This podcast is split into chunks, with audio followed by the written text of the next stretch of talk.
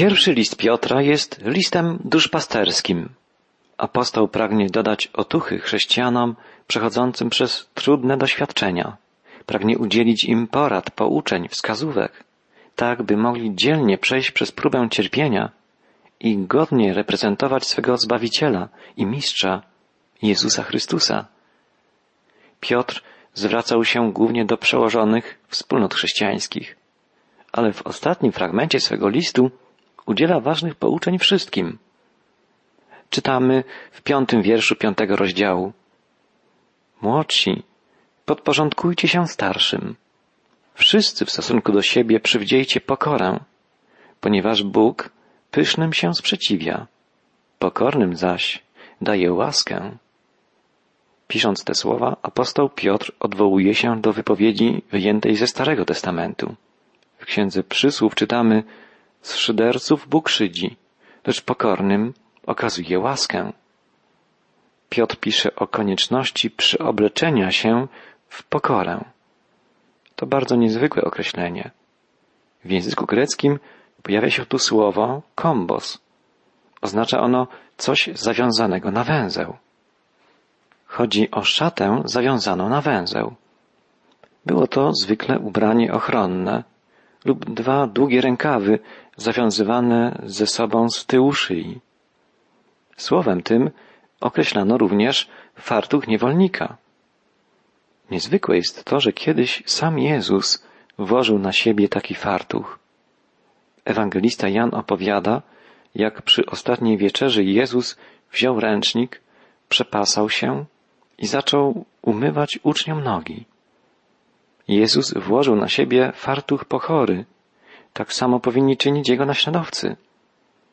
Słowo to, występujące w oryginale listu, kombos, odnoszono też do innego rodzaju szaty, do długiej, dostojnej szaty, która była oznaką wyższości dostojeństwa. Żeby obraz, który rysuje apostoł przed naszymi oczami, stał się pełny, musimy połączyć ze sobą te dwa pojęcia.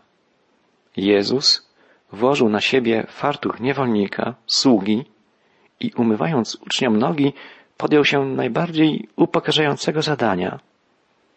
Tak i my, służąc Chrystusowi i swoim bliźnim, powinniśmy zawsze wkładać na siebie fartuch pokory. Ta sama szata pokory stanie się kiedyś dla nas szatą dostojeństwa, ponieważ ten, kto jest sługą wszystkich, będzie największym w Królestwie Niebieskim. Bądźmy sługami względem bliźnich, a Chrystus uczyni nas wielkimi. Od szóstego wiersza ostatniego rozdziału pierwszego listu Piotra czytamy dalej. Uniszcie się więc pod silną ręką Boga, aby was wywyższył we właściwym czasie. Każdą swoją troskę zrzućcie na Niego, ponieważ On troszczy się o was. Bądźcie trzeźwi, czuwajcie. Wasz przeciwnik, diabeł, jak lew ryczący krąży i szuka, kogo pożreć. Przeciwstawcie się Jemu, silni wiarą, wiedząc, że te same cierpienia znoszą wasi bracia na całym świecie. A Bóg wszelkiej łaski, ten, który w Chrystusie powołał was do swojej wiecznej chwały, po waszych krótkotrwałych cierpieniach sam was udoskonali, utwierdzi, umocni i postawi na twardym gruncie. Jego jest moc na wieki. Amen. To wspaniała wypowiedź apostoła Piotra. Wypowiada on tu wiele nakazów, a przez to podaje nam pewne zasady życia chrześcijańskiego. Pierwszą z nich jest zasada ukorzenia się przed Bogiem. Człowiek wierzący musi ukorzyć się przed mocną ręką Boga. Wyrażenie to często występuje w Starym Testamencie, przede wszystkim w związku z wyzwoleniem ludu wybranego z niewoli egipskiej. W drugiej księdze Mojżeszowej czytamy na przykład Ręką przemożną, powiada Mojżesz, wyprowadził cię Pan z Egiptu. Boża ręka prowadzi i wspomaga wszystkich tych, którzy w pokorze akceptują Boże przewodnictwo. Chrześcijanin nigdy nie oburza się na doświadczenia życiowe i nigdy nie buntuje się przeciwko trudom, ponieważ wie, że mocna ręka Boża spoczywa na nim i że sam Bóg prowadzi go przez życie. Drugą zasadą sformułowaną przez apostoła Piotra jest zachowywanie spokoju i pogody ducha. Wszystkie swoje troski człowiek wierzący powinien złożyć na Boga. Psalmista wołał podobnie: Zrzuć na Pana brzemię swoje. To słowa Psalmu 55. Podstawą naszej ufności względem Boga jest nasze głębokie przekonanie o Jego trosce o nas. Możemy być pewni, że skoro wydał za nas swego jedynego Syna, to wraz z Nim da nam wszystko inne. Skoro Bóg troszczy się o nas, życie nie będzie w stanie nas załamać. Mając tę pewność, nie boimy się żadnych przeżyć, ponieważ wiemy, że Bóg współdziała we wszystkim ku dobremu z tymi, którzy Go miłują. Tak pisze apostoł narodów w liście do Rzymian w rozdziale ósmym. Piotr pisze dalej, że chrześcijanin jest wezwany do bycia czujnym. Musimy być czujni, trzeźwi. Sam fakt złożenia na Boga wszystkich problemów, wszelkich trosk, nie znaczy, że mamy siedzieć z założonymi rękami. Piotr wie, jak trudną rzeczą jest czuwanie, ponieważ wraz z innymi spał w Getsemane, gdy trzeba było czuwać z Chrystusem. Chrześcijanin jest człowiekiem, który ufa, a jednocześnie wszystkie swoje starania i całą swą czujność angażuje w służbie Chrystusowi. Wiara chrześcijanina powinna być podobna do solidnego muru, o który rozbijają się wszystkie ataki diabła. To dalej podkreśla Piotr. Diabła porównuje do tyrana, który czuje respekt tylko przed silniejszym od siebie i wycofuje się, gdy odważnie przeciwstawiamy się mu w imieniu Jezusa Chrystusa, w Jego mocy. I w końcu Piotr pisze o zasadzie chrześcijańskiego cierpienia. Po przeprowadzeniu chrześcijanina przez cierpienie, Bóg przywraca go do swojej służby, powierza mu zadanie, posila go, umacnia. Przedstawiając ten obraz, Piotr używa bardzo obrazowych słów. Pisze, że przez cierpienie Bóg przysposabia człowieka. Słowo to w greckim oryginale listu to katarizein. Jest ono bardzo trudne do przetłumaczenia. Zwykle oznacza naprawienie zwichniętego stawu czy złamanej kości, albo naprawienie sieci. Jest to po prostu uzupełnienie wszelkiego braku, naprawienie czegoś złamanego. Tak więc cierpienie przyjęte w pokorze, w ufności i w miłości może naprawić każdą słabość ludzkiego charakteru. Tak stało się z Piotrem. Bóg przeprowadza nas przez cierpienia, by dodać naszemu charakterowi szlachetności, a całemu naszemu życiu głębi, znaczenia i piękna. Poprzez cierpienie Bóg utwierdza i umacnia człowieka. Cierpienie, ból, smutek mogą doprowadzić człowieka do załamania albo mogą wykształcić w nim silny charakter. Jeżeli chrześcijanin wszystkie cierpienia będzie przyjmował w atmosferze zaufania względem Chrystusa, jego charakter zostanie tak uszlachetniony, jak zahartowana w ogniu stal. Życie bez wysiłku, bez dyscypliny, to życie słabe, zwiotczałe. Nikt naprawdę nie wie, czym jest jego wiara, dopóki nie zostanie ona wypróbowana w piecu doświadczeń. Coś podwójnie cennego tkwi w wierze, która zwycięsko przeszła przez ból, przez smutek, przez rozczarowanie. Wiatr gasi słaby płomień, ale płomień silny roznieca wielki pożar. Tak samo jest z wiarą. Przez cierpienie Bóg stawia człowieka na trwałym gruncie. W smutku i w cierpieniu schodzimy do samych podwalin wiary, do fundamentów naszej wiary, dochodzimy do prawd, które nie podlegają zachwianiu. To w czasie doświadczeń dochodzimy do wielkich prawd, na których opiera się nasze prawdziwe życie wiary. Próba cierpienia buduje prawdziwy fundament naszej wiary, wiary w Chrystusa, który dał nam przykład, jak cierpienie zamieniać w zwycięstwo i w chwałę. Po podsumowaniu głównego tematu listu, zwycięskiego wytrwania w cierpieniu, apostoł Piotr pisze na koniec, jak czytamy w dwunastym wierszu, przez Sylwana, wiernego wam brata, jak sądzę, napisałem krótko, zachęcając i świadcząc, że jest to prawdziwa łaska Boga. W niej trwajcie. Piotr wydaje świadectwo, że to, co napisał, to Boża łaska. Pisał wiele o cierpieniu. To wszystko Boża łaska. List Piotra nie został napisany przez Sylwana. Sylwan był pośrednikiem w pisaniu. Mówiliśmy już o tym, kiedy w czasie pierwszej audycji omawialiśmy okoliczności powstania listu. Sylwan był współautorem listu, w tym sensie, że to on formułował pewne myśli. Znał bardzo dobrze język grecki, ale wszelkie te myśli pochodziły od Piotra. Sylwan to pełna forma imienia Sylas. I prawie na pewno wiemy, że jest to ta sama osoba, która pojawia się w listach Pawła i w dziejach apostolskich. Jak mówiliśmy, rozpoczynając lekturę listu Piotra, był on kimś więcej niż sekretarzem Piotra. Był także posłańcem dostarczającym jego list. Najprawdopodobniej miał wielki udział w komponowaniu tego pisma.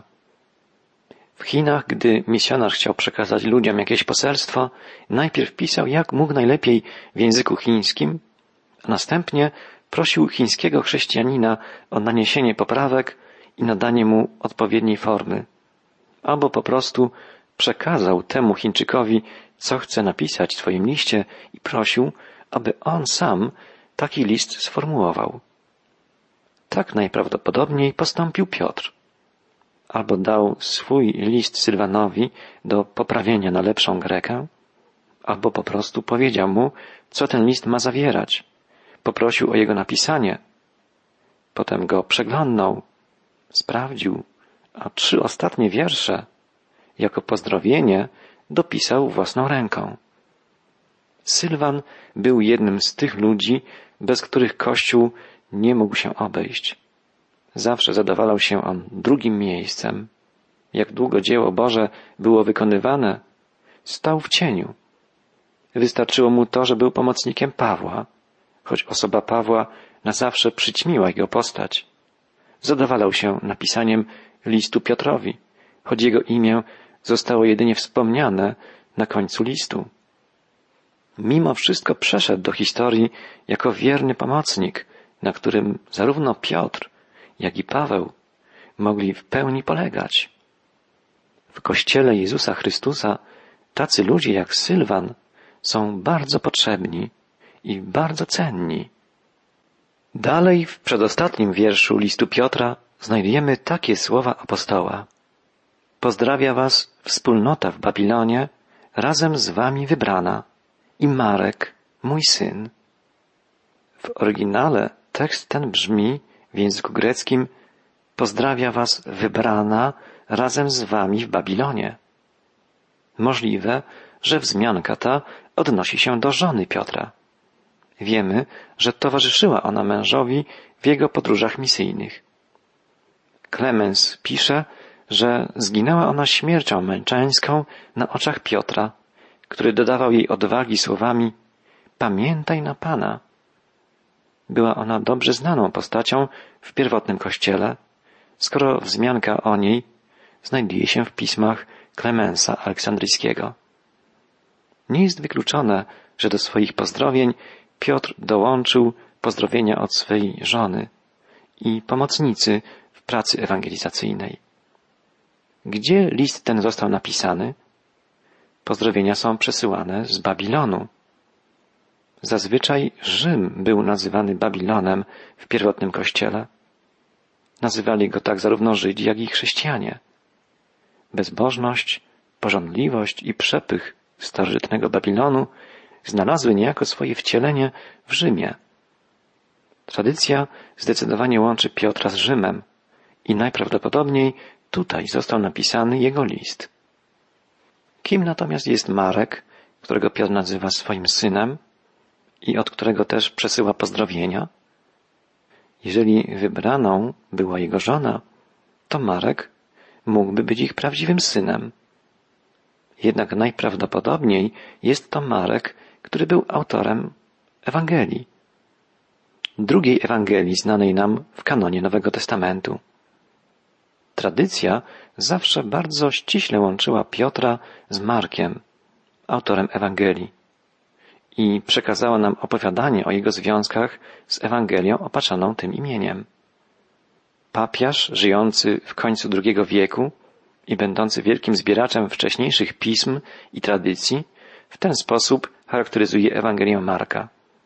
Marek, który był tłumaczem Piotra, spisał wszystko dokładnie, wszystko, co przypominał sobie ze słów i czynów Chrystusa. Nie był on jednak słuchaczem Pana, ani jego naśladowcą. Był uczniem Piotra. Również Ireneusz, inny autor wczesnego Kościoła, powiada, że po śmierci Piotra i Pawła w Rzymie Marek, uczeń i tłumacz Piotra, przekazał pismo będące treścią zwiastowania Piotra. Tradycja Kościoła zgodnie dowodzi, że Marek, ewangelista, był synem Piotra i najprawdopodobniej od niego pochodzą załączone pozdrowienia. Tak więc wszystkie możliwości możemy podsumować następująco. Ta, która jest w Babilonie i która została wybrana, może być albo żoną Piotra, która oddała życie swoje za wiarę Chrystusa, albo może to chodzić też o wspólnotę wierzących w tamtym mieście. Najprawdopodobniej wielkie i przewrotne miasto nazwane Babilonem to Rzym. Marek może być rzeczywistym synem Piotra, ale najprawdopodobniej jest to Marek Ewangelista, służący Piotrowi jak syn. Widzimy, jak niezwykle ciekawe informacje zawierają końcowe pozdrowienia apostoła Piotra. A jego list kończy się następującymi słowami. Pozdrówcie się wzajemnie pocałunkiem miłości. Pokój wam wszystkim, którzy jesteście w Chrystusie. We wczesnym kościele przy różnych okazjach składano sobie ów pocałunek miłości. Na przykład przy chrzcie osoba chrzczona najpierw była całowana przez tego, który ją chrzcił. Następnie była całowana przez całą wspólnotę na znak serdecznego powitania w rodzinie Chrystusowej. Nowo ordynowany biskup otrzymywał pocałunek w Panu. Uroczystość zaślubin była potwierdzana pocałunkiem. Ludzie umierający najpierw całowali krzyż, a następnie byli całowani przez swoich bliskich. Dla nas pocałunek pokoju może wydawać się czymś bardzo odległym. Pochodzi z czasów, gdy Kościół stanowił prawdziwą i bliską społeczność, gdy chrześcijanie naprawdę znali się wzajemnie i kochali się. Tragedią współczesnego Kościoła jest to, że często w dużych wspólnotach, w dużych parafiach ludzie nie znają się nawzajem i nawet nie chcą się znać a znak pokoju, poza czczą formalnością, niczego zazwyczaj nie oznacza.